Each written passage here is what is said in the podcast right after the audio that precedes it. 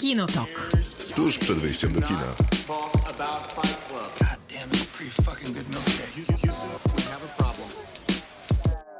Krzysztof Majewski. Miłosława Bożek. Maciej Stasierski. No to w zeszłym tygodniu udowodnili... Wszystkiego najlepszego. Wszystkiego najlepszego w nowym roku, oczywiście. W zeszłym tygodniu, czyli jeszcze w starym roku, udowodniliśmy sobie, że Że 2020... gardzimy naszymi dziesiątkami. Za sprawą tego, że 2023 był rokiem być może trochę przez strajk scenarzystów, aktorów, przesuniętych premier, a być może z różnych powodów nie. dystrybucyjnych albo jeszcze czegoś innego, to jak każdy rok filmowo jest dobry, to mam wrażenie, że ten był jednak trochę mniej dobry. A teraz będziemy rozmawiać o serialach. Będzie jeszcze gorzej. Tak, natomiast y, obiecujemy sobie bardzo wiele po 2024, zarówno filmowo, jak i serialowo, jak i życiowo, Tak jest. więc y, mamy nadzieję, że i wy będziecie mieć świetny 2024 rok. To nie był dobry rok w serialach 2023. 2024 jeszcze nie miał szansy Trochę się inaczej, trochę inaczej można o tym przeczytać, ponieważ jesteśmy jeszcze na schyłku Peak TV, czyli takiego zjawiska, które opisują amerykańscy badacze telewizji, teraz Te- już Telewizja streamu. jakościowa, tak? Na, nie, pik, czyli że jest na szczycie produkcyjnym, że to jest ten moment w dekadzie, w którym najwięcej produkcji w zeszłym roku 2022 można było zobaczyć 600 oryginalnych seriali. Natomiast ja mam wrażenie, że to jest problem. I Ja na przykład y, y, liczę na to, że po strajku scenarzystów i Będzie aktorów mniej. będzie mniej, Tak. Ale będzie dłużej procesowane, dłużej produkowane, więcej iterowane z y, głębszą myślą. To I nawet byłoby idealnie, tylko na- nie wiemy, i- czy tak No będzie. nie, no nie wiemy. Ja mówię na, na co ja liczę i w co wierzę.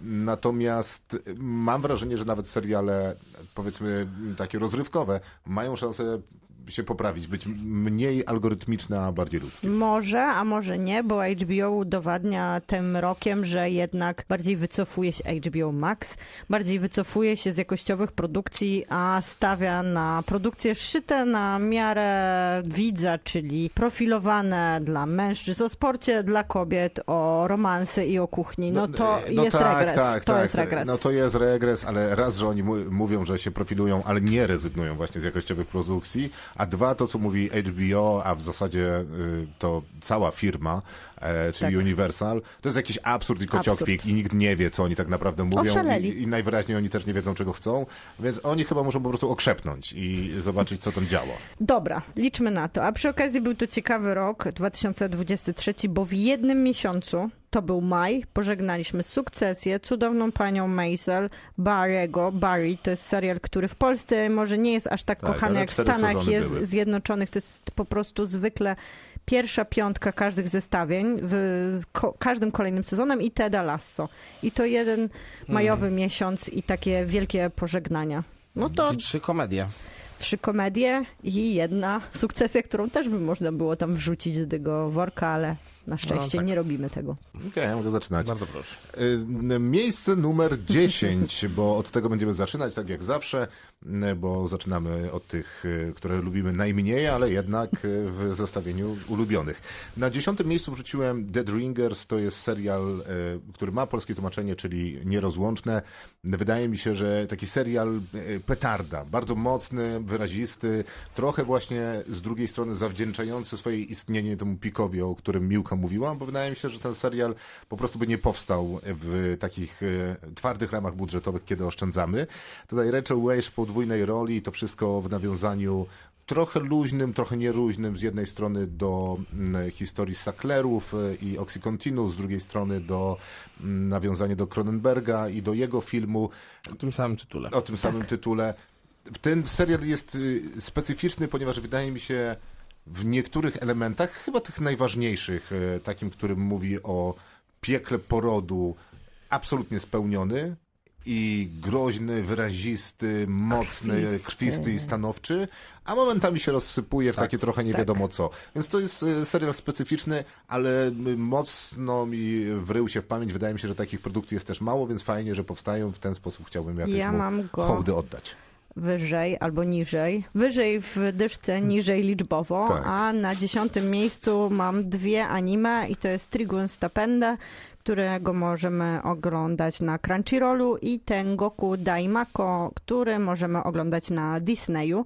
Trigun Stapende to 12 odcinków z tego roku, powtórka Strigana z lat 90., ale opowiedziana w nowy, taki podkręcony sposób. Bardzo teraz modna kreska i bardzo modne tokijskie studio, które opowiada taką hybrydę pomiędzy westernem, takim głębokim science fiction, trochę takimi postaciami, stworami z Gwiezdnych Wojen i ze wszystkich światów, w którym są magiczne stworzenia.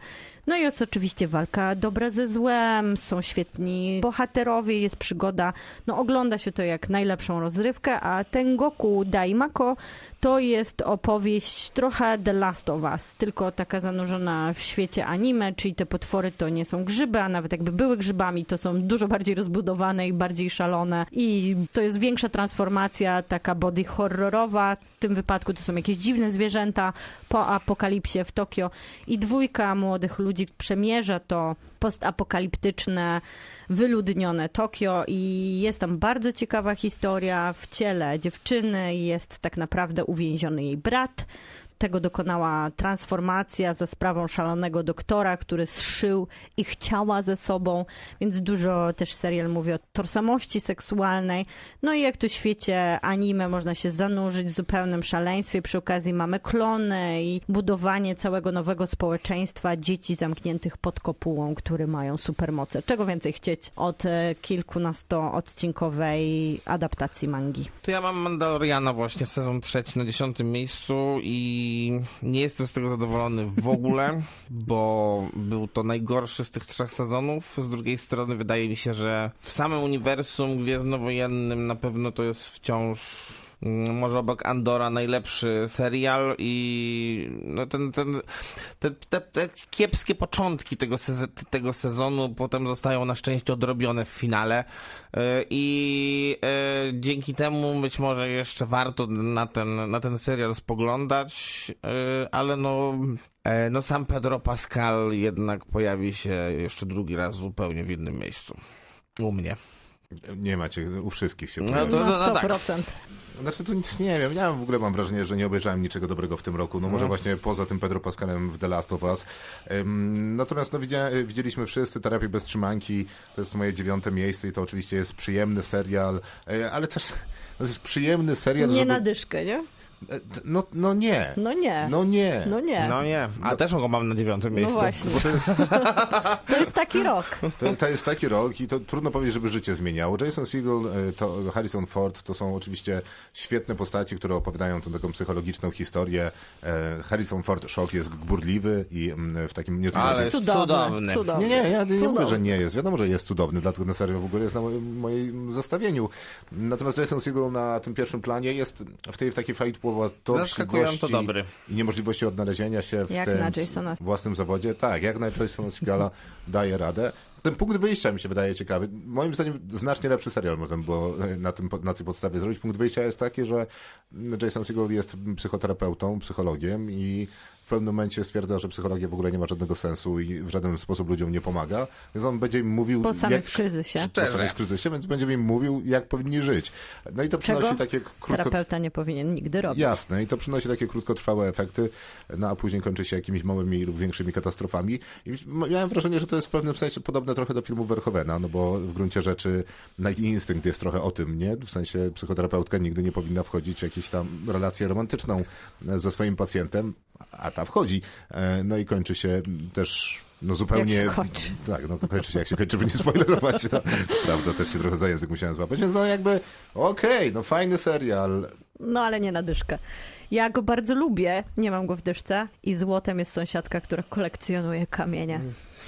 To tak dodam od siebie. To A, prawda. tak, tak. To ja To- mam to, na- tylko, to ja ja, na- tylko dobra, dołożę jedno dobra. zdanie, bo ja też mam ten serial na dziewiątym miejscu i dokładnie z tych samych powodów i to może nie będę nawet dokładał jednego zdania. Po prostu ten serial coś trzeba było włożyć tej dziesiątki, a on akurat był może Nie, nie, nie, nie powiem, że był niespodzianką, bo był jednym, jednym wielkim schematem, ale y, bardziej był takim czymś, co nie narzucało się za bardzo negatywnie, więc, więc na zasadzie takiego, takiego, takiej selekcji negatywnej po prostu ten został pozytywnie. No tak, a, a nie jest to dobra sytuacja, kiedy układasz dziesiątkę ulubionych seriali i stosujesz selekcję negatywną. dokładnie, dokładnie nie. Ja dlatego nadrabiałam dużo tytułów i dzięki temu zbudowałam numer 9. Nadrabiałam Rdzenni i Wściekli, ale to są trzy sezony, które teraz się kończą, więc tego serialu nie mam jeszcze w dziesiątce, ale naprawdę mi się podoba. I nadrobiłam też Telemarketerów. Jest to trzyodcinkowy serial dokumentalny HBO. I tak już było z HBO, że dało nam Przeklęty życie i śmierć Roberta Darsta. Serial, który Będzie miał rozbił, drugi sezon. Tak, będzie miał drugi sezon. Rozbił moją rzeczywistość i pokazał, że telewizja może zmieniać po prostu realia tego, w jaki sposób opowiada się dokumentem i co można zrobić z bohaterem, a co najważniejsze, co można zrobić z widzem. I po raz kolejny HBO pokazuje to w swoim dokumencie. Jest to fascynująca historia, o której prawie nic nie opowiem, żeby zostawić wszystkim przyjemność z tego, co dzieje się przez te trzy odcinki, a jest to jazda bez trzymanki. Sam Lipman Stern to jest człowiek, który teraz jest dokumentalistą, ale kiedyś to nie był i miał trudne życie i wybrał pracę, która te, wtedy wybierała ludzi, którzy mieli trudne życie, recydywistów, ludzi z wyrokami. Jego przyjęła, kiedy miał lat 14. To było jedyne miejsce, które przyjmowało do pracy niepełnoletnich. Było to CDC, czyli sprzedawcy telemarketerzy powołujący się na policję, strażaków i różne miejsca, które dobrze brzmią w uszach Amerykanów i wyciągające od nich pieniądze. I w tym przypadku 22 lata temu właśnie sam Lipman Stern zaczął kręcić miejsce swojej pracy. I to dało mu materiał do zbudowania bardzo solidnej opowieści, tym bardziej, że odkrył bardzo dużo rzeczy. I zaczynamy od takiego miejsca pracy, które nawet serial The Office by nie wymyślił. To, co tam się dzieje na tych korytarzach, tych telemarketerów, którzy biorą narkotyki, piją, konsumują znajomości, wszystko w miejscu pracy za zgodą swoich przełożonych, tylko pokazuje, jakie musiała robić ta firma rzeczy poza tymi boksami, gdzie były wykonywane telefony. No to jest szaleństwo i to naprawdę jest ten, ta telewizja, która przesuwa granice. Kocham za to HBO, tym bardziej, kiedy jest to realne dochodzenie, przy okazji sprawa kryminalna i to wszystko, co fascynuje wszystkich tych, którzy kochają true crime, a tutaj jeszcze z tym vibe'em lat 90. i to naprawdę, bo oglądamy VHS-y. Kiedyś nie dokumentalisty, a teraz już reżysera. Kinotok. Serial. L- Wydaje mi się, że cała przygoda z serialem Loki to jest y, y, A. bardzo fajna przygoda, a to jest też moje ósme miejsce, więc y, bez problemu i z przyjemnością o tym serialu mówię. I zresztą e, pozostałe seriale, które tutaj mam, no powiedzmy, że też. Y, Loki natomiast bardzo dobrze się kończy, w sensie mam nadzieję, że to był ostatni sezon Lokiego, zresztą biorąc pod uwagę finał, to nie bardzo mi się wydaje, że ten serial ma jeszcze coś do zrobienia. Biorąc pod uwagę, że dopiero co tuż przed tworzeniem tej dziesiątki czytaliśmy doniesienia na temat Jonathana Majorsa, czyli człowieka, który pojawia się, znaczy jego postać i, i on jako aktor pojawia się w tym serialu jako ten, który Już się nie pozostanie. pojawi. Tak, w związku z tym, że oskarżenia y, zostały potwierdzone i on został skazany za e, przemoc domową, zresztą chyba też tam jest coś z molestowaniem, ale nie, nie, nie pamiętam szczegółów, więc nie będę nawiązywał do tego. Chodzi mi o to, że to jest serial, który zamyka jego historię i otwiera historię Lokiego na nowo. I to jest też ciekawe, bo trochę zamyka historię Toma Hiddlestona, który on tam podsumowywał, że to było kilkanaście odcinków tego serialu, sześć czy nawet więcej filmów, ileś tam lat pracy w tym kostiumie, w, tą, w tej postaci. A Tom Hiddleston jest, mam wrażenie, jedną z, z takich postaci, takich aktorów, który zrobił największą karierę taką wśród fanów Marvela. Marvela. Bo oczywiście jest Robert Downey Jr., Chris Evans czy Chris Hemsworth, czyli oni ta, istnieli wcześniej chyba czyli ta troszkę. wielka trójka. No to zależy Oni gdzie. mają też takich bardziej wyrazistych bohaterów do lubienia. Tak, a tak, tak, Hiddleston wniósł tyle siebie w Lokiego. Jakby przeliczyć tam minutową obecność na ekranie, to tak mało jest tego Lokiego, a tak duży efekt wywołuje Loki. Więc nie dziwię się, że dostał ten serial. Serial zarówno w pierwszym sezonie, jak i w drugim świetnie się odnajdywał. Ale trzeci sezon to jest właśnie to, dlaczego bronię tego partii tego Marvela, że oni jeszcze raz mi pokazali, że potrafią zbudować wielowymiarową, skomplikowaną historię, która ku mojemu zdziwieniu, ale no trudno się z tym nie zgodzić, ona jest wymagająca. No, ona wymaga od widza uważnego śledzenia historii, bo inaczej no, nie masz żadnej przyjemności z oglądania, oglądania tego serialu, no bo ta cała multi multiuniwersalnościlizm jest skomplikowany i trzeba to śledzić. I mam też wrażenie, że Tom Hiddleston trzyma całe to multiversum na swoich e, barkach i robi to z wdziękiem, e, z, Bez wysiłku. bez wysiłku i z olbrzymim budzo, budzonym we mnie No zainteresowaniem. pod tym ostatnim zdaniem się podpisuję w szczególności. Ja mam, film, ja mam serial Loki na miejscu szóstym yy, i uważam, że całość właściwie zasług powinna iść w stronę Toma Hiddlestona. Po No prostu nie, no bo to Cliff Owen też jest e, Nie, no, świetny, świat- świetny do tego, żeby tak odbijać piłeczkę. będzie nim. Owen Wilson. Tak. A co powiedziałem? Cliff Cliff Owen. Owen. Cliff Owen też by dał radę. To w tym roku go mamy w innym serialu, ale ja nie mam Lokiego na żadnym miejscu. Ja uważam, że też scenografia i to, jak ten świat jest zbudowany, dokłada Nie, się do nie tego. masz na fan- żadnym miejscu, Nie to mam się na nie żadnym. dokładasz. I nie dokładam się. Na ósmym mam Beef Netflixa. Platforma jest problematyczna, bo można by Bo pomyśleć, że wyjdzie. czasami im tak, że w większości pisze im algorytm scenariusza, a czasami dostarczają jakiś produkt, który zaskakuje. W tym roku to chyba bardziej dla Amerykanów było wielkie wow, niż dla nas Polaków, Beef, czyli awantura, bo to też jest taki serial właśnie problematyczny dla mnie z perspektywy tej dziesiątki. Ciężko go nie docenić, bo to, co dowozi Netflix, to faktycznie w tym wypadku awantura to jest coś wyrazistego, ciekawego i świeżego. I para aktorów Ale dokładnie, ale nie jest to może mój ulubiony serial. No ale trudno, taki mamy rok, że awantura jest na ósmym miejscu. Na pewno, tak jak ty mówisz, Maciek, Ali Wong i Steven Yeun, którzy się spotykają. Mhm. którzy się spotykają, bo jest to opowieść o dosłownym zderzeniu się dwójki ludzi, którzy są z bardzo różnych środowisk. Łączy ich to, że oboje są emigrantami pochodzenia azjatyckiego, ale w hierarchii społecznej to są zupełnie inni ludzie.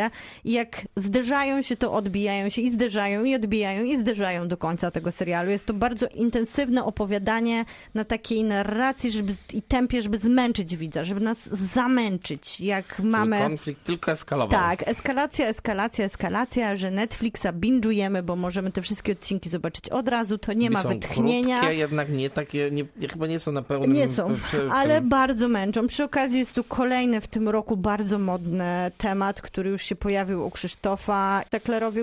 The Drinkers. The Drinkers. Dead Ringers, dokładnie. Czy były w Dead Ringers, mają swoją opowieść też z Netflixa, tą, O, fatalną, tą tak. ten horror, upadek domu Asherów. A nie, w sensie I- ten fatalną z, te, Matthew I Broderickiem tak, to już taka bardzo wprost, ale ja mówię o takich, że trochę mamy Mhm, niby slackerów, ale wiadomo, że to jest komentarz do rodziny slackerów. Tak samo jest w Bifie, że z jednej strony mamy tych zderzających i odbijających się bohaterów na świetnej chemii. Naprawdę to są bardzo dobrze zagrane role. No i właśnie ta saklerowość e, w tle. Dany Cho i Amy Lu, tak się nazywają bohaterowie. Jeszcze oni mają w tle takich bardzo ciekawie zarysowanych bohaterów. Tutaj gdzieś brat, Czyli tutaj mąż, tak, tutaj mąż, szefowa brat, galerii. kuzyn. No ta szefowa galerii to właśnie o niej myślę, że to jest ta Saklerowa. Tutaj można No. dodać, że w tym samym roku pojawił się drugi tytuł, który też bardzo lubię, też mówiący o emigracji, tym razem chińskiej, to jest American Born Chinese, więc w tej fali opowiadania... też w dziesiątce? Nie, nie, mówię, że No. przy Bifie, jak już wspominam i było Past Life No w tak, mojej dziesiątce najlepszych filmów, to American Born Chinese też jest odpowiedzią na tą emigrację azjatycką do Stanów Zjednoczonych. To ja Beef też mam na swojej dziesiątce na miejscu siódmym i uważam, że to jest y, to, co... A co masz na ósmym? Wszystko, Aha. wszystko to, co powiedziałaś jest racją, a szczególnie ta para aktorów, którzy rzeczywiście robią wielkie wrażenie. No trochę nie dziwota, że tam tydzień temu uzyskali nominację do Złotych Globów. Ja na ósmym miejscu mam trzeci sezon jednego z moich największych guilty pleasure serialowych, jakie istnieją, czyli, czyli Zbrodni po A, sąsiedzku myślałam, że Heartstoppera masz. serialu, który jest, który jest pokazywany na Disney+. Plus. Y, A trzeci sezon y, trzymam dosyć głęboko w sercu, jednak ze względu na to, że do tej takiej trójki szalonych podcasterów, czyli Steve'a Martina, Martina Shorta i Seleny Gomez dołącza Meryl Streep. I jak ona to robi, no to to jest niesamowite. Naprawdę? Tak, Ale naprawdę? naprawdę. Ale naprawdę? Naprawdę, nawet tobie by się spodobało. Niemożliwe. Bo nie szarżuje. Jak? To co ona to robi? To w sensie po co nią- Komedię! Po- no o nie, no. dziwo, E, o dziwo komedię, A śpiewa? naprawdę. A śpiewa? Nie, na szczęście A nie. śpiewa Abbę? Nie. No to nie, nie, nie wiem, jak to się mogło udać w takim wypadku. Siódme miejsce, tak? Tak. Ja myślałem tutaj nad y, jednym serialem, ale w sumie sobie przypomniałem o innym i stwierdziłem, że y, dał mi zaskakująco dużo radości, więc y, zdecydowałem się na ten drugi. Ten pierwszy to był Odmieniec, który swojego czasu zmusiłeś mnie do oglądania, jak na ciebie czekałem. baby! To jest dobry serial. To jest dobry dobry, dziwny Dziękuję, serial. że go przypo... Ja bym go chciała teraz gdzieś umieścić. No nie? That's not a baby! To jest dobry serial. To, To jest, jest dobry raz, że jest serial. ciekawy, fajni są bohaterowie, dobrze są budowane relacje. On spokojnie mógłby być na moim... Ja go daję na dziesiąte i wykreślam anime. Kogo interesuje anime? Tylko A, mnie. właśnie. A, dobra, odmieniec na dziesiątym. No więc kurczę, może później pomyślę, że go umie, umieszczę gdzieś wyżej. W każdym razie o aktualnym siódmym. Aktualne siódme to Warszawianka, ponieważ ym, tak, ponieważ, ponieważ y, zaskakująco dobrze oglądało mi się ten serial. I wydaje mi się, że to jest y, coś, czego Polska potrzebowała i tak, zgadzam się, Miłka, zanim zaczniesz y, ten wątek, ten serial powinien powstać 5 lat temu, ale nie powstał. Nawet 10. I, y, No 10 lat temu, nie Dobra, wydaje, 10 niech lat temu nawet. Californication nie powstało. Dobra, niech Więc będzie pięć. Nawet te 5 lat temu, no ale nie powstał, no to co ja mam zrobić? I z jednej strony To już niepotrzebne było. Nie, nie wiem, ja spędziłem dobrze z nim czas. Podobała mi się ta imprezowa Warszawa. A na pewno ten głos Zofu cię najbardziej brał. Głos Ofu po prostu przewijam, więc ja nie wiem, że on był w tym serialu. Ale było go dużo. No więc dużo przewinąłem. Natomiast to, co zostało, y, podoba mi się bardzo. W sensie podoba mi się ten Borys Szyc. Wydaje mi się, że to jest jego najlepsza rola w ogóle, może poza oczywiście Idą. Bardzo podoba mi się ta imprezowa Warszawa, bardzo podobają mi się miejsca, w których są, są prawdziwe, autentyczne, te rozmowy, dialogi, to jak to jest napisane. To jest gęste, ciekawe, ludzkie, prawdziwe. E, Zresztą o samych miejscach, w których oni bywają, ty Miłko mówiłaś, że to są prawdziwe miejsca, w Tak. którym ta imprezowa Warszawa istnieje. To No są człowiek, te bary i zakamarki. tak jest. Człowiek, o którym serial opowiada Borys Szyc, też jest prawdziwy. Podoba mi się ta pijacka nostalgia wyobrażonego literata, którą buduje y, Warszawianka. I ja wiem, że to było wielokrotnie, ale to nie zmienia faktu, że oni zrobią to zręcznie. A ku mojemu absolutnemu zdziwieniu, bardzo podoba mi się wątek romantyczny pomiędzy Szycem a Wichłacz. Bardzo mi się podoba też Zofia Wichłacz tutaj, a to chyba jest pierwsza taka deklaracja w moim życiu.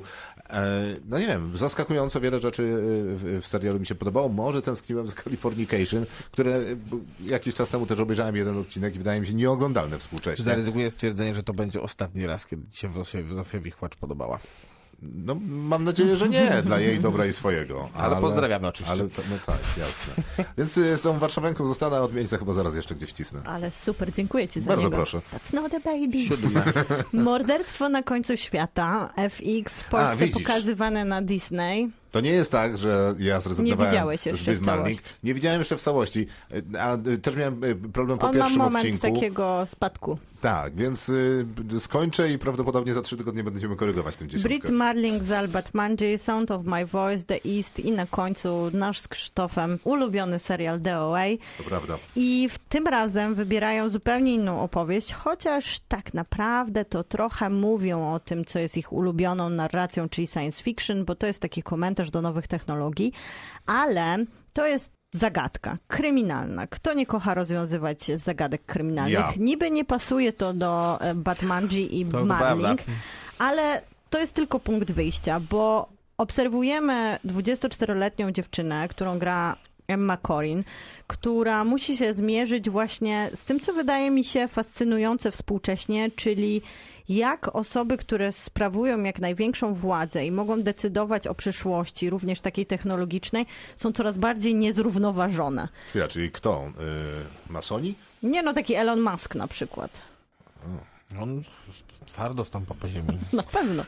No ale ro, rozumiecie, jest tutaj Cliff Owen reprezentuje takiego człowieka, który dzierży coraz więcej władzy technologicznej, co równa się też z szeroko pojętą władzą, a jest to też opowieść o obsesji i też bardzo często zadawaniu bólu głównie kobietom przez mężczyzn, co bardzo ciekawie jest tu pokazane nie w taki nachalny sposób, no ale dla mnie najbardziej jest to opowieść o dorastaniu, bo mamy retrospektywę z życia Emmy Corrin, która wcześniej miała 18 lat i ona trochę poprzez e, fascynację true crime'em, ale właśnie przez te lęki, które wywołuje bycie kobietą w brutalnym świecie, stara się rozwiązać zagadkę seryjnego mordercy, a przy okazji się zakochuje. Po pierwsze oglądamy historię jej dojrzewania. Po drugie, oglądamy tą dziewczynę już dwudziestoparoletnią w świecie dorosłych ludzi, wszystkich mających jakieś wielkie zdolności. To, jak pobłażliwie traktują tą młodą dziewczynę, też jest ciekawym komentarzem do tego, jak często wiek i płeć są traktowane w różnych miejscach, tym bardziej w takim świecie władzy i nowych technologii. No i mamy bardzo ładnie opowiedzianą historię miłosną, która się nawiązuje pomiędzy Emma Corrin a Harrisem Dickinsonem. Dickinsonem, dokładnie. I On wszędzie gra w tym roku. On często gra i w tym roku naprawdę dobrze gra. I To Od jest miłe chyba. zaskoczenie. Brit Madling i Zalbat Manji tak rozwijali DOA, że opowiadali o opowiadaniu. Ustami bohaterki granej przez samą Brit Madling. Ona opowiadała historię nowo poznanej piątce osób i ta historia dosłownie opowiadana przy świeczce symbolizującej takie ognisko nakręcała cały serial. Tym razem Emma Corrin opowiada swoją książką, którą napisała, która jest jej biografią, która jest właśnie z jednej strony tą historią badania seryjnego mordercy, z drugiej strony jej po prostu historią miłosną i często opowiada tą historię właśnie na takim czytaniu autorskim kolejnego rozdziału swojej książki. To są twórcy, którzy są tak wierni tej idei miłości do opowieści, takiej literackiej, takiej symbolicznej, takiej filmowej, każdej i za każdym razem potrafią ją świetnie spiąć. Tym razem to jest Agata Christie, więc mamy ten moment takiego wielkiego finału i zaskakujące jest rozwiązanie, co rzadko się zdarza w kryminałach. Agat Christie nigdy się nie zdarzało. Brawo. Um, A to nie mimo, jest że są- Agata Christie. Mimo, że kochałem te książki zawsze. E, ja, tak jak mówiłem, Beef mam na siódmym miejscu. Myślę, że ten serial jednak żyje głównie energią dwóch, dwójki aktorów, do których co jakiś czas dołączają te dodatkowe elektrony oraz tym, że jest to, nie, nie jest jakaś bardzo wymyślona, świetnie skonstruowana opowieść, natomiast jest to rzecz, która ma po prostu bardzo dużo energii i tak jak powiedziałaś, aż za dużo czasem ma tej energii, za dużo ma tego napięcia, więc człowiek jest po prostu wymęczony tym serialem, ale może raz na jakiś czas trzeba się wymęczyć czymś. No i, i dlatego ten serial e, umieściłem też w dziesiątce, chociaż gdyby to był normalny rok, to pewnie nie byłby w dwudziestce. Szóstka. Ja, ja zapominam, że to ja zaczynam. Na szóstym miejscu e, przygotowałem dla was e, znakomity Piosenkę. serial, który... Aha, mam tylko Mandaloriana. E, Ja tam go lubię. Ile rezygnacji w głosie. No mam tego Mandaloriana. No nie, no bo to, to właśnie o czym my mówimy. No, to w sensie to jest, y, dla- to jest serial, na którym się dobrze bawiłem. Wydaje mi się, że y, te sekwencje efektów specjalnych, które oni realizują w, w przestrzeni nie kosmicznej, tylko właśnie w atmosferze, są y, absolutnie fenomenalne i to jest y, równie imponujące jak to, co robił y, Maverick, ale... No ale chciałbym lepszych tych seriali, naprawdę. No po prostu. Tak ogólnie bym chciał lepszych seriali. Ty- nie ma Mandaloriana. też mam taki problem, że kolejne, kolejne sezony tych samych seriali mnie już tak jakby z siłą rzeczy nie cieszą, no bo ile To można... jest kilka takich tytułów, jak Sukcesy na przykład. No wiem, ale ile... Chciałbym już czegoś nowego, świeżego. Ale co do Mando, ja nie mam żadnego problemu. Moim zdaniem on w tym ostatnim sezonie też się dobrze odnajduje. Jest trochę taki sam, ale ja trochę, tego, On się odnajduje. trochę tego samego szukam. No. On się odnajduje dobrze, tylko że no niestety no ale Botakan moim zdaniem też jest to wspaniała. właśnie no. nie jest. O nie jest. No nie. Dlatego nie ma go u mnie na liście. Na szóstym szósty, tak? miejscu mam Dead Ringers, czyli wszystko to, co Krzysztof powiedział. Poród e, to makabryczny horror, jak pokazuje ten serial i tym lepiej, kiedy dwie siostry pracują Zakładają klinikę. nie, pracują w klinice, w której A. noszą czerwone, krwisto-czerwone. To też jest takie bardzo sugestywne kitle lekarskie, tak to się nazywa? Tak się nazywa. Bardzo ładnie. Super. I tutaj e, showrunnerka Alice Birch wydaje mi się, że świetnie przekuła tą miłość Cronenberga do body horroru w taki bardzo współczesny, bardzo feministyczny sposób. Bardzo subtelnie, a jednak jak świetnie zarysowane są te różnice pomiędzy Rachel Weisz a Rachel Weisz. Wystarczy to, że inaczej mają spięte włosy, noszą inną biżuterię i mają tylko inny makijaż, a to tak idealnie oddaje różnicę w ich charakterze jako sióstr bliźniaczek. To są takie bardzo subtelne, proste sztuczki, a jak świetnie działają na ekranie. Ona tam jest wyśmienita w tej podwójnej roli.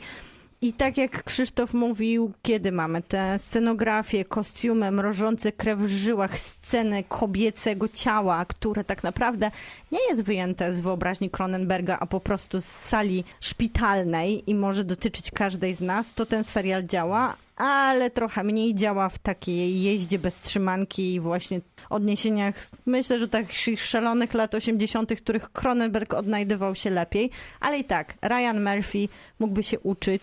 Taki horror, to ja bym chciała oglądać co roku i to jest to, za czym ty, Krzysztof, tęsknisz, to jest jednak coś nowego, coś świeżego, co nie odpowiada na żadny inny tytuł i stworzył, no, poza oczywiście latami 80. Cronenbergiem, ale to nie ma No, to znaczenia. jest inna rzeczywistość. Więc to jest e, telewizja, która mnie cieszyła i chociaż miała sporo niedociągnięć w całości, fajnie we mnie dalej działa i wiele tych obrazów we mnie zostało. Takiej telewizji bym Tak, chciała. tak, na pewno. No to jak już wspomniałem, ja mam na szóstym Lokiego i nie będę tutaj powtarzał tych argumentów, które Krzysiek wskazał, no bo one są ze wszechmiar trafne i, Dziękuję bardzo. i możemy przejść dalej. No, wciąż nie jestem zadowolony. Ta pierwsza piątka jest taka, że no fajnie byłoby ją całą wyrzucić. Kinotok. Serial. Na piątym miejscu mam akurat serial, który lubię bardzo i zaskoczyłem się straszliwie, że był w tym roku, bo ja myślałem, No. że był e, w tamtym roku. W sensie w 2022. No, no. I był w 2022, ale w Stanach Zjednoczonych, a w Polsce premierował się na początku, ale 2023 i to są rozterki Fleischmana. I to jest serial, który ja lubię bardzo, bo wydaje mi się y, prześwietną analizą rzeczywistości mm, samotnego mężczyzny w okolicach 40, mimo że trudno uwierzyć, że główny bohater tyle ma lat, bo wygląda na młodszego, ale rozterki ma właściwe i wydaje mi się, że ten podział em, klasowy, o którym też ten serial w dużej mierze mówi, ale też ta nowa romantyczność i nowe odnajdywanie siebie, nie tylko z perspektywy męskiej, bo ta perspektywa męska w pewnym momencie zostaje rozszerzona, później skonfrontowana, później wręcz y, odwrócona. To odwrócenie y, fabularnej narracji w drugiej części serialu w ogóle wydaje mi się jakimś takim e, fabularnym, scenariuszowym majstersztykiem. Do tego świetnie zagrane, bardzo dynamiczne, z dobrym żartem, celną analizą nie tylko właśnie tych relacji, o których mówiłem, ale też takiej otaczającej nas rzeczywistości i dynamiki, w jakiej się poruszamy. No to jest dla mnie trochę definicja tego, jak powinien działać taki serial może trochę bardziej codzienny, czyli taki, który ma czujne oko, który widzi na czym polega świat, potrafi to obserwować i wypowiadać się na ten temat, a jednocześnie tę formę potrafi jakoś tak dzielić pomiędzy dowcip, celną obserwację, e, a, e, a napięcie, które e, wynika no, z pewnej takiej związkowej tajemnicy, powiedzmy, no tam z braku laku, bo tam jest trochę tego takiego podskórnego napięcia, że w pewnym momencie nie wiadomo o co chodzi. Bardzo spełniony serial, jak dla mnie. Na piątym miejscu mam serial Ktoś gdzieś, Somebody Somewhere, to jest HBO Max i w zeszłym roku pierwszy sezon to było właśnie dla mnie to zaskoczenie. Przeczytałam amerykańskie zestawienia, nigdy nie słyszałam o tym serialu.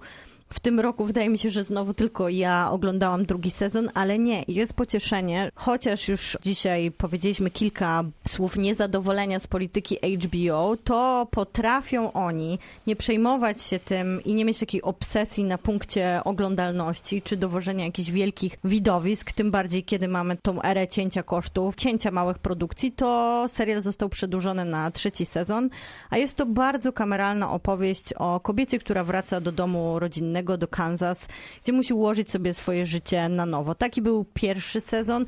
Drugi opowiada już trochę więcej o śmierci siostry, o której wiedzieliśmy wcześniej. Więc jest żałoba i strata, ale jest też to, jak poradzić sobie z budowaniem związków naszych najlepszych przyjaciół, które zagrażają tak naprawdę naszym relacjom z tymi przyjaciółmi, bo często to oni trochę są tym naszym partnerem, tym naszym rodzicem, tym wszystkim, czego potrzebujemy od ludzkich emocji. I też jest to opowieść o tym, że nagle bohaterka musi się zajmować swoim starzejącym się rodzicem, o trudnościach wynikających z tego. A z drugiej strony to są wszystko trudne tematy, a jak myślę o Somebody Somewhere, to od razu się uśmiecham. Bo to jest taki serial, który po prostu jest jak ciepły kocyk, jest dziwaczny, czuły, kameralny, intymny, jest przezabawny i to są takie niewymuszone, sytuacyjne, czułe uśmiechy. No wydaje mi się, że to jest jak telefon od dawno niewidzianego przyjaciela, z którym się wychowywaliśmy i znaliśmy się przez całe, całe życie i on jest super naturalny, kiedy zaczynamy rozmawiać z tym przyjacielem i wydaje się, że rozmawialiśmy 5 minut temu, ale jest też jak randka na Tinderze, jest dużo emocji i dużo napięcia z tego tytułu i jest też trochę jak samotny wieczór w pustym mieszkaniu, który nas przytłacza i wiemy, że nikt nas nie odwiedzi i nic ciekawego nas nie czeka. No taka codzienność a zarazem oddech od tej codzienności. Po prostu wyśmienity, obyczajowy serial, który będzie miał swoją kontynuację i tylko takich produkcji więcej, które są szczere, prawdziwe, zabawne i mają gdzieś, czy oglądają ich miliony widzów, czy wystarczająca ilość, żeby naprawdę robić jakościową telewizję. A u mnie na piątym miejscu jest też szczera i zabawna opowieść, tylko w zupełnie innym stylu i się nazywa Emigracja XD. Serial, który był prezentowany na e, Dobrze pamiętam, Kanal Plus? Tak, na Kanal Em, Plus. Adaptacja bestsellerowej prozy jakiego Malcolma XD, opowiadająca o tym, jak gościu, gościu, Boże, przepraszam, jak człowiek po, postanowił wyemigrować zarobkowo do Wielkiej Brytanii, a później trafił... Malcolm XD to nie był też autor tej słynnej pasty Był. o Tak, ten mój sam. ojciec jest fanatykiem. Tej samej Dokładnie, pasty. wędkarstwa. A, to też był film y, y, na podstawie, y, na platformie takiej, która... mm, Tak, był na show... Showtime może? Nie, to Taka afrykańska Showmax? platforma. Showmax? Może? Nie? Może Może, Showmax. może, Był może fatalny Showmax. film. Tak, no serial nie jest fatalny. E, ma wspaniałą obsadę. E, Tomasz Włosok, który ostatnio odebrał nagrodę Zbigniewa Cybuls, imienia Zbyszka Cybulskiego, Tak było. jest e, naprawdę kapitalny, jeśli chodzi o tutaj e, bardzo dużo sekwencji komediowych. E, Spotyka na swojej drodze bardzo dużo kolorowych, zabawnych bohaterów. Była to świetna rozrywka i za, jak za większość rekomendacji polskich mogę podziękować mojemu przyjacielowi Maciejowi. I tyle. I to jest piąte A miejsce. to u jak już rekomenduję, to widzę, że od razu przenosi y, cię ta produkcja do dziesiątki później Prawie na zawsze podsumowanie tak. roku. Mhm. A to rzadko rekomenduję. To powiem mu, żeby częściej to robił Miał same polskie produkcje serialowe. Mhm. Ale może informacja zwrotna. Zaraz do niego napiszę, żeby ci polecił.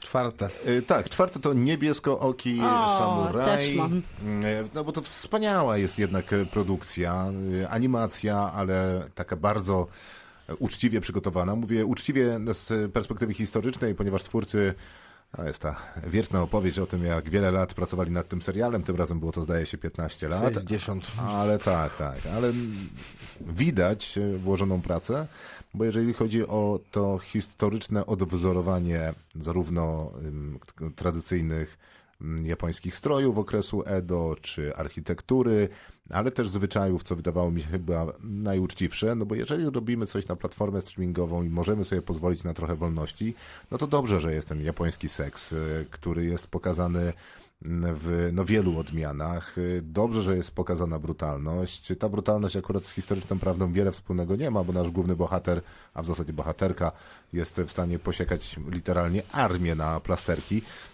Ale jest za to dużo nawiązań do legend, wierzeń, folkloru japońskiego i to wszystko jest szalenie cenne, ponieważ bardzo ładnie to twórcy robią. To jest Ładnie najważniejsze. No właśnie, że to jest dla mnie taka krwawa, pełna emocji opowieść o zemście, która wygląda olśniewająco, jest malarska, jest 3D, ma idealną dynamikę, wszystko się w obrazku zgadza.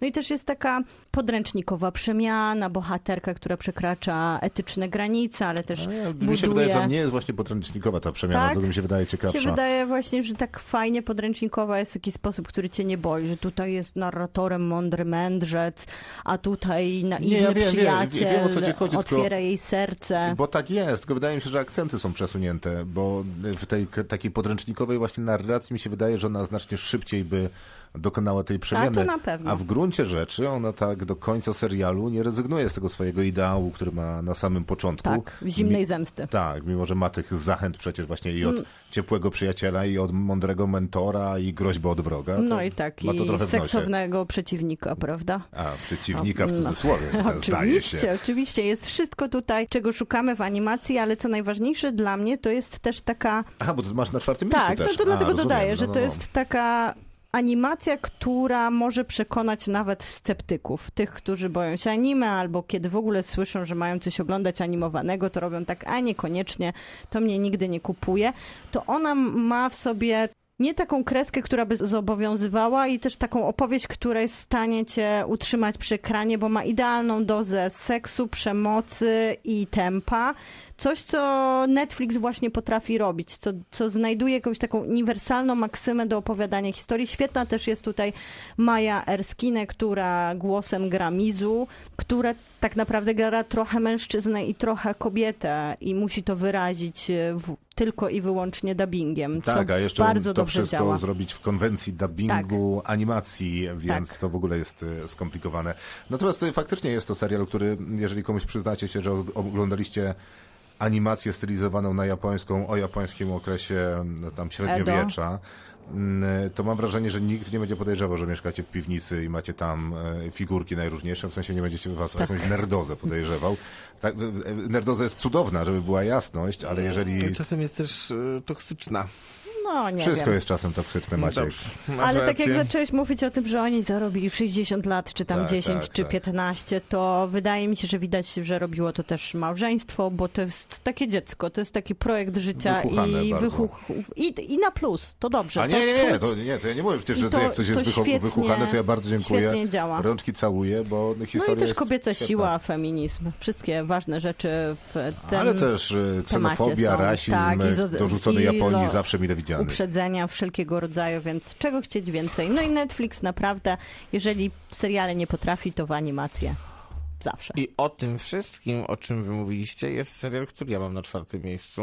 I jest to zupełnie inne uniwersum, bo jest to Infamia, serial o społeczności romskiej. A, to prawda, no zwłaszcza ta kwestia animacji, o której mówiliśmy. No nie, no animacja akurat nie, ale, ale wszystkie inne rzeczy, nie wiem, ksenofobia, ym, feminizm, ale też Miłka wspominała o seksie, muzyce i tak dalej, więc no tam tutaj, tutaj naprawdę wszystko się zgadza. Ten serial był i pozostaje do teraz jednym z naprawdę najmilszych zaskoczeń i nie tylko serialowych, ale ogólnie filmowo-serialowych doświadczeń roku, bo no to było coś, co tak się pojawiło znikąd i wydaje mi się, że no kupiło prawie całe mnie, bo poza oczywiście odcinkami reżyserowanymi przez Kubę Czekaja, ale to już nie będziemy, nie będziemy się znęcać nad nim tak bardzo. Miałam go na dziesiątym miejscu i co, oddałam anime, a teraz to i tak This Może is not a baby! nie mogę, to już Teraz już nie to możesz. jest hasło na tatuaż. Ale nie, Infamia była w porządku, tylko że, To jest tylko, że jest za długa. To jest e, taki bolesny Nie, problem to, tego są, serialu. to jest problem reżysera ostatnich No odcinków. Ja właśnie nie- tegoż, nie- tegoż, którego wskazałem, ale ja nie, nie mam problemu z tą Natomiast- reżyserem natomiast, natomiast, natomiast zupełnie nie jest żadnym problemem dziewczyna, która się nazywa Zofia Jastrzębska i jest w roli głównej w Infamii. No po prostu takiej energii na ekranie naprawdę ze świecą szukać.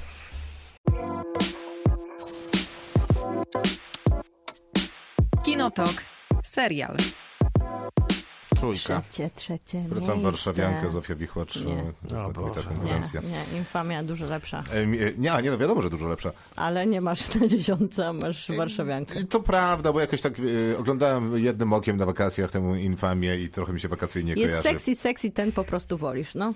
E, trzecia miejsce. Aha, na trzecim miejscu mam The Bear, sezon drugi. Wow, wielkie Ja też. zaskoczenie. Ja też. E, Więc Teraz już wszyscy wiemy, co będziemy mieli w trójce. Tylko jest e, fantastycznym serialem, Zobaczmy który... tylko, jak się to układa. Będzie tak niespodzianka? samo. Nie, nie będzie. O, może. The Bear sezon drugi jest fantastycznym serialem, tak jak i pierwszy, mimo że nie lubię tego duńskiego odcinka i może tam jeszcze jakiegoś jednego, ale uwielbiam... to się Ale Forks. odcinkiem z... Seven Fishes. Tak, dokładnie. Albo Forks.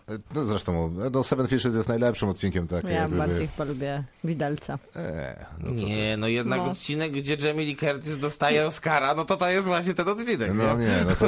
Nie, Forks jest oczywiście fantastyczny, ale no to w zasadzie są te dwa odcinki tworzą ten serial. W Tak. sensie jego Ale na absolutną... przykład początek jest kiepski. Bardzo zaraz kiepski. No nie? jest, Ale jest. te dwa odcinki. Ale nowe akcenty, jak na przykład romans. Tak, ale te dwa odcinki tworzą jego absolutną jakość, którą mnie, która mnie rzuca na ko kolana. Ta jakość mi się podoba w dwójnasób, dlatego że opowiada z jednej strony o tym, o czym zawsze opowiadał, czyli o tej rodzinie, być może dysfunkcyjnej, może niedysfunkcyjnej, na pewno patchworkowej, a w tym drugim opowiada o dokładnie tym samym, tylko tam są jeszcze więzy rodzinne. To ja to bardziej A widzę to tak. wszystko oglądamy przez pryzmat jedzenia i, i zachwyca mnie to, bo wydaje mi się, że mnóstwo relacji, nie tylko takich jednoznacznie społecznych, y, bliskości, czy rodzinnej, czy takiej z wyboru przyjaźni, jest opowiadana, y, czy może być opowiadana, ale ja uważam, że jest opowiadana przez jedzenie i jedzenie jest najwyższą ze sztuk. Ja uważam, że ten pierwszy sezon, prawo. Deber pytał, czy restauracja może być funkcjonalnym miejscem pracy, a ten drugi stawia pytanie, czy ten świat, który stworzył już w tej restauracji, nadaje się połączyć z życiem osobistym. I najpierw właśnie jest to tworzenie miejsca pracy w pierwszym sezonie, który jest, który jest dużo bardziej dynamiczny, taki męczący, krzyczany, klaustrofobiczny, taki właśnie breaking point, który w tym roku też miał, uwaga, swój serial To prawda. I taki bardziej intensywny, a ten drugi sezon jest już bardziej dojrzały, jest bardziej skupiony właśnie na tym życiu osobistym, na układaniu siebie, nie tylko miejsca i finansów i przetrwania. I taki jest też Karmi, który stara się zbudować życie na drugim planie, ale nie do końca sobie może z tym poradzić. I w ogóle poznajemy tych bohaterów. Niektóre odcinki się nie udają. Właśnie jak jedziemy do Skandynawii, to jest odcinek dedykowany jednemu z bohaterów. Poznajemy ich bliżej i dopóki to są aktorzy, którzy wypadali świetnie i w pierwszym sezonie i są w stanie unieść tako, takie przyglądanie się bliższe w drugim, no to to działa. Po prostu niektórzy aktorzy tego nie unieśli i nie nadają się na pierwszy plan i dlatego wydaje mi się, że te pierwsze trzy odcinki nie zawsze działają, chociaż są też niezłym wprowadzeniem do całości. No a całość jest jednak per saldo udana. No tak, i, bardzo. No i tak jak powiedziałem, no ten, te, te po kilka, kilka takich cameo, które w tym, w tym sezonie Nawet Bob szczególnie Oden, są. Odenkirk jest super. O, najlepsza jest e, krytykowana tak przez was ostatnio Olivia Colman też, więc Och, no... cudowna jest. E, myślę, że ten serial... O co chodzi z tym ostatnio krytykowaną? To moja wina, Łące. że zagrała w Imperium y, Słońca, Światła, czegoś tam, co mnie nie, Nie, no to nie twoja wina, tylko że źle zinterpretowałeś jej rolę, jakość jej roli, która była bardzo wysoka. Dobrze wiesz, że to nieprawda. Drugie Dobrze miejsce, to wiesz. Krzysztof, ciebie. Y, drugie miejsce. O, ale szok, to Fanfary, sukcesja. fanfary, to samo. No wiem. Nie, ale mogliby, moglibyśmy Nie, mieć. nie Nie, no ja wiem, się. że nie, Nie ale moglibyśmy. Y, No więc sukcesja. Wow, co za genialny, wspaniały serial. Mówimy to co roku od czterech lat, y, ale to A fakt. meal fit for a king i na taki właśnie zestaw zasłużył sobie Jesse Armstrong, kończąc sukcesję na czwartym sezonie, bo można by to było kontynuować. Na pewno byliby widzowie, byłyby pieniądze, a on zdecydował, że nie. Zrobią I ja to szanuję. Tak, o smutnym Kendalu, który przez dwie godziny patrzy się na wodę, taki slow burner.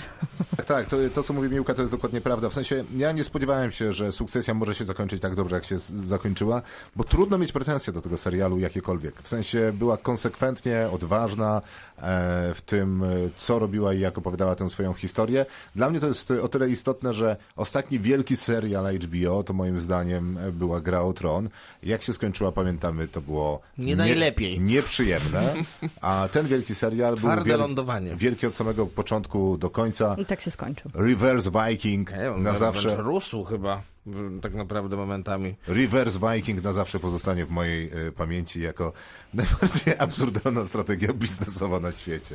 Najbardziej spełnione w tym se- czwartym sezonie jest to, że wszyscy chyba zakładali, że Logan będzie musiał umrzeć, żeby spełnił się tytuł samego serialu, ale moment, w którym serial w końcu zabiera nam tego, tą wielką postać, tego wiel- sposób, jak to i robi. sposób, jaki to robi, pokazuje, jak bardzo genialna jest to produkcja, jak Tak. nas to wszystkich jednak zaskoczyło, jak nie wiedzieliśmy, co z tym faktem zrobić. No i też samo zakończenie, wszyscy są przegrani. Też jest wyśmienitym wyborem, który pokazuje, jak jakościowa jest to telewizja, jak spełniona jest to telewizja i wydaje mi się, że to też jest ten serial, który udowadnia, że HBO pozostaje najważniejszą jakościową telewizją, bo The Wire, Soprano i teraz Sukcesja to są seriale, które się wpiszą w historię telewizji. Nie, spokojnie, i... nikt o tym nie będzie dyskutował. Nikt nie będzie o tym dyskutował, ale bardzo miło być i oglądać te wielkie zakończenia wielkich seriali. To był ten rok dla sukcesji. Jest jedna scena w tym finale sukcesji tego czwartego sezonu, którą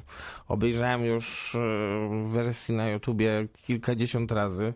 Jest to scena, która. Nie, będę, nie chcę opowiadać jej w całości, bo ona jest wielkim spoilerem, natomiast e, kończy się wyjściem Shiv z jednego pokoju. Kamera za nią, y, kamera ją śledzi i w pewnym momencie włącza się taka, taka niezwykle pompatyczna muzyka Nicolasa Britella i dla mnie właśnie tak, jest, tak zbudowane są najlepsze sceny w tym serialu, tylko że ja nie zrozumiałem konwencji tego odcinka, bo ja umieściłem sukcesję na pierwszym miejscu. To źle macie. Hmm, a co masz musisz drugim? zamienić. The Last of Us. To czy jednak musisz wyłamałeś się. Źle zrobiłeś. No to Przykro mi. musisz teraz opowiedzieć o swoim drugim miejscu. Nie, Nie, no to już opowiedzcie wy, ja już mi się nie chce. nie, nie, no czy nie, nie zamienię. Nie. Nie? Nie, nie zamienię. Nie zamieni. Powiedział, Patrz. że nie zamieni. Patrz, jaki twardy jest. Patrz, Tym razem nie zamienię. nie zamieni. Dlatego, Nie, nie, nie że. zamienię. Nie zamieni. Mowy nie ma. No nie wiem, y, wy uważacie, że wszystkie odcinki w The Last of Us były naprawdę wybitną Ja- telewizją? ja bo nie uważam, były. Ja uważam, że powodem, dla którego daję ten serial na pierwsze miejsce jest po pierwsze to, że ostatnia dekada, dwie to był e, czas, w którym wydarzyło się dużo w gatunku zombie. To był taki boom na te opowieści, było trochę powtarzania, było dużo świeżości i wydawało się, że to jest moment na przerwę taką gatunkową, że te opowieści się wyczerpały. Nie żeby telewizja była miejscem, w którym dużo się działo w zombie uniwersum, ale wystarczyło The Walking Dead, które zmonopolizowało cało, cały ekran telewizora. For nas- better or for worse. Tak, na, bardzo dobrze rozpoczynając tą przygodę, ale też kolejne 19 Tracąc impet. sezonów, tak, spin-offów i prequeli trochę zabiło tą Mhm. opowieść o zombie. I tu nie było za bardzo miejsca dla tego gatunku, który ja kocham, a kolejna rzecz to adaptacja gier wideo, która czy to filmowo, czy serialowo nigdy nie Nigdy miała nie szczególnie dobrej passy. I mamy nagle opowieść, która jest po pierwsze w przeciwieństwie do sukcesji oryginalna, nowa i świeża, wpisuje się w trudny gatunek, w którym ciężko coś wyłuskać nowego, czyli zombie. Odpowiada jeszcze na bardzo trudnego widza, jakim jest fanostwo ogromnie popularnej gry wideo, a w tym wszystkim jeszcze bierze opowieść post-apo, którą najczęściej gatunek traktował tak. No to skoro mamy koniec świata i zombie apokalipsę, to największym wrogiem człowieka będzie człowiek. I takie przesłanie stało za tym, a The Last of Us pokazało, czy to w trzecim odcinku, czy to przez Trzecim relacje, tak. czy to przez relacje bohaterów, że jest to serial bardziej o tym, jaka jest odwrotna strona tej apokalipsy. Jak wiele A, to zależy, e, no bo jednak e, przypominam puentę tego No, wiemy, sezonu. ale nie. Nie, nie, no nie, spo, nie spoileruję, tylko e, staram się udowodnić, że przez tę puentę to, co mówisz, e, staje się jednak dwuznaczne. Wnioski są cie- ciekawsze, mi się wydaje. Zresztą wnioski na temat tego komunistycznego miejsca i relacji z jego bratem też są ciekawsze. E, Że oczywiście nie, że to człowiek jest największym wilkiem człowieka, m, ale też nie, że opowiadamy o najpiękniejszych doświadczeniach Nie, no, ale ludzkiego mówimy o życia zombie w czasie apokalipsie. zombie apokalipsy. Tak, Ale wyłuskaliśmy z tego najwięcej humanitaryzmu, ile się dało wyłuskać. Ale tam jest przecież znacznie więcej wątków niż to, że fajnie, że ten e, pierwiastek humanizmu odnaleźliśmy i to jest oczywiście e, e, część tego, dlaczego ten serial jest wspaniały. Ale on jest wspaniały właśnie dlatego, że nie szuka takiego jednoznacznego, łatwego rozwiązania. Pokazujemy różne ludzkie twarze, a w zasadzie to, że różne ludzkie twarze mogą też być zarażone i zjeść nasze twarze. No to jest oczywiście, ale to przecież jeżeli mamy spójny, dziesięcioodcinkowy serial, pierwsze dwa odcinki, dlatego ten trzeci jest taki kompletny. To jest prawdziwe kino akcji. To jest budowanie świata, budowanie napięcia wynikającego Trzeci z godziny odcinek jest zero. akurat y, trochę... Nie jest absolutnie kinem akcji. No ale mówię, że Nie, nie dlatego, jest. że Jest dlatego też- tu jest tak Też jest trochę różnorodnie. nieobecnym odci- odcinkiem. No nie? jest, Jest trochę abstrahowany, tak, tak, tak. No ale buduje też, ustawia ten serial. Znaczy Jest ustawia... jego emocjonalną Tak, siłą podobnie największą. jak odcinek z Nie, no, księdzem. ja tak nie, nie uważam, że jest jego największą emocjonalną siłą, ponieważ on też ustawia e, mm, przeszłość głównego bohatera, więc buduje mu historię. Hmm. I moim zdaniem bez budowania tej przeszłości głównego bohatera nie da się zrobić e, tego finału. No tak. Mhm. No, jest to bardzo świeża opowieść w świecie seriali. Jedyna chyba w tym roku, która zrobiła coś nowego i zrobiła to tym- solidnie. E, Dziękuję za wytłumaczenie, zmiania nie zmieniam, ale szanuję wszystkie wasze argumenty. Ja i... mam więcej, bo e, skoro mówiliśmy o tym trzecim odcinku, to to jest super interesujące dla mnie, bo e, ten trzeci odcinek moim zdaniem został zrobiony celowo. W sensie on miał być prowokacyjny, kontrowersyjny, e, Tak też inny. się zdarzyło. I tak też się zdarzyło. I mnie ta kontrowersja bardzo się podobała, bo jedno, jednocześnie to był kontrowersyjny, prowokacyjny odcinek. Z drugiej strony, jak ktoś go faktycznie obejrzał, to niech mi wytłumaczy, co tam jest prowokacyjnego. No Czyli nie chyba ma- dla graczy gry było najwięcej kontrowersji, bo ja... Nie, gracze gry już przerabiali tę kontrowersję z drugą częścią e, i był taki sam dym, ale to... No ale to, to chyba tylko z tej strony był dym, że to jest kontrowersyjne, bo nie było tego w grze. Czy W mówisz sensie związku innym? homoseksualnego? Na tego związku homoseksualnego Nie było. nie było. Na tym Natomiast zmieniono. Bohaterze, który był, więc... Tak, ale zmieniono orientację seksualną bohaterki pomiędzy pierwszą a drugą grą i był taki sam dym jak przy okazji trzeciego odcinka, do czego ten trzeci odcinek y, właśnie nawiązywał. No ale to co, pytasz nas, dlaczego ludzie są homofobami?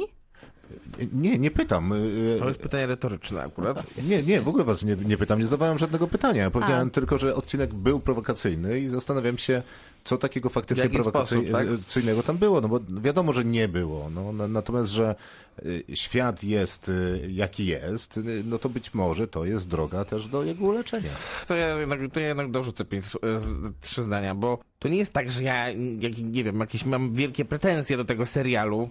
Uważam, że są w nim absolutnie magiczne momenty i wszelkie, wszelkie sceny, wszel, wszelka obecność na ekranie Pedro Pascala robi na mnie nie od, nie od, nie od, nie od wczoraj wrażenie. Naprawdę jest to, jest to absolutnie człowiek magnetyzujący na A, ekranie. bo nie widziałeś nowego Almodowara. A, no to może. To, no to Każdy zgasiłeś. reżyser może To, zepsuć to aktora. mnie zgasiłeś. Wyrzucam z dziesiątki. Gacia! Nie no, myślę, że myślę, że jak, w, jak, jak z- dwa lata temu, zdaje się, zostałem za to samo skrytykowany, tylko w odwrotną stronę. Jak wy, wyrzuci, jak wy wyrzuciliście, jak wy wyrzuciliście na, pierwszą, na pierwsze miejsce trzeci sezon sukcesji, a ja pierwszy sezon e, tego, Białego Lotosu i, i wtedy też, i wtedy, wtedy ja, moje argumenty były takie, że to jest coś nowego, a to jest jednak powtarzalne, a teraz Ale my słyszę cię nie odwrotnie. atakujemy. Zupełnie Nie, nie, możesz dobrze. zostać z sukcesją na pierwszym Zostaję z miejscu. sukcesją na pierwszym miejscu i generalnie bije, piję szampana w, za, za pomyślność. Toma Łamsgansa.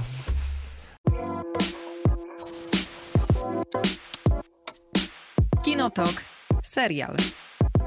Wszystkim życzymy e, wszystkiego A nie najlepszego i robimy pomyślności honorowych ogólnej. wspominków? Nie macie żadnych? Ja Nie, nie, mam ja żadnych. tylko. Żadnych? Ani jednego? Nie, no ja mam kilka.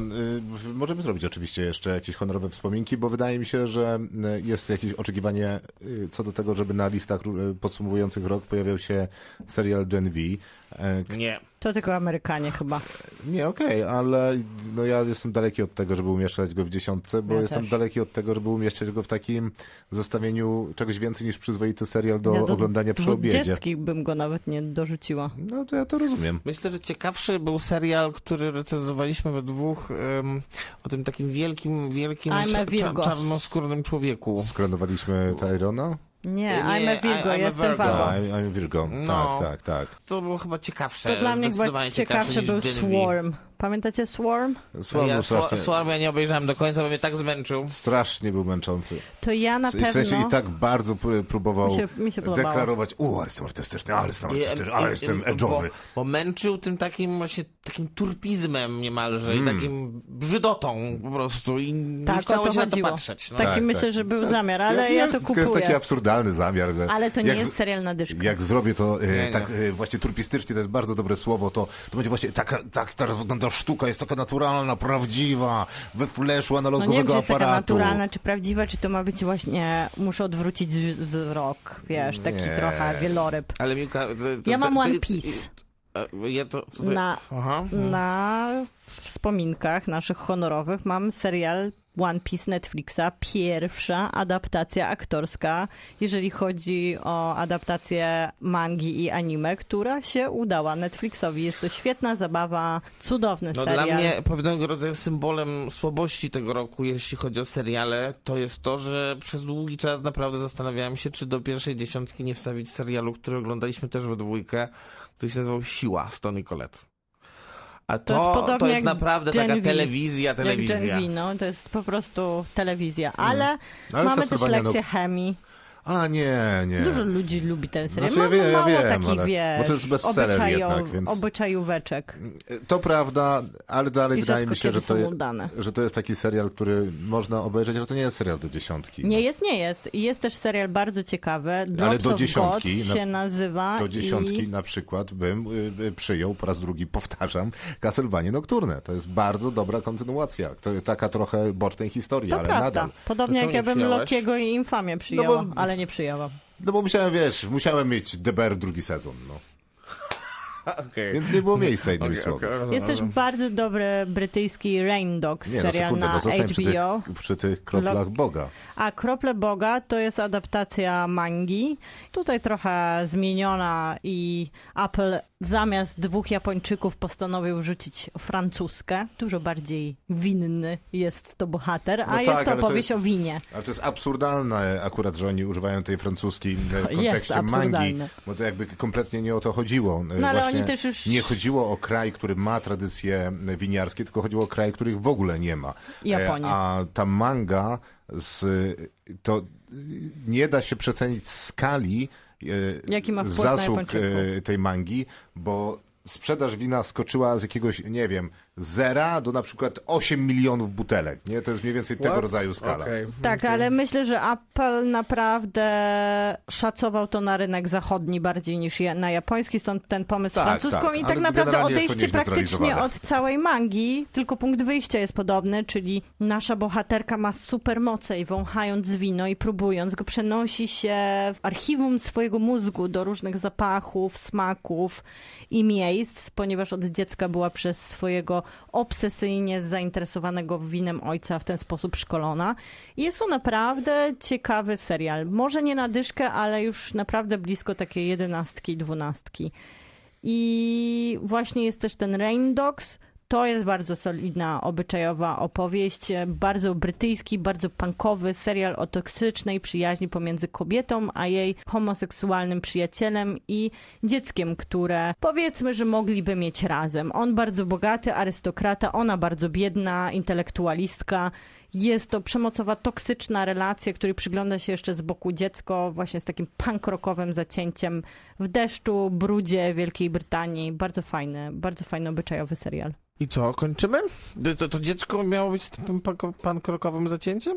Tak to Dziecko? zrobiłem, że dziecko Serial jest pa- z A, przepraszam. zacięciem, Tak, dziecko się przygląda temu wszystkiemu. Rozumiem. Ja tych seriali obejrzałem jeszcze dużo w tym roku, ale z, z bólem serca muszę powiedzieć, że nie mam innych honorowych e, A wspominek. for all mankind. No właśnie. No ale się nie skończyło jeszcze. Więc to No, nie ale jest się serial. zaczęło. A widział ktoś Fellow. Travelers? Ja widziałem dwa odcinki. I co? No, jakbym skończył, to byłyby w dziesiątce. Byłyby, nie? Bo No, tu mam pewno. zapisane, że nie widziałam, a może to być dobry Nie, serial. nie, to jest, to jest myślę bardzo dobry serial. I dziękujemy bardzo. Dziękujemy, dobranoc. Kinotok. Tuż przed wyjściem do kina.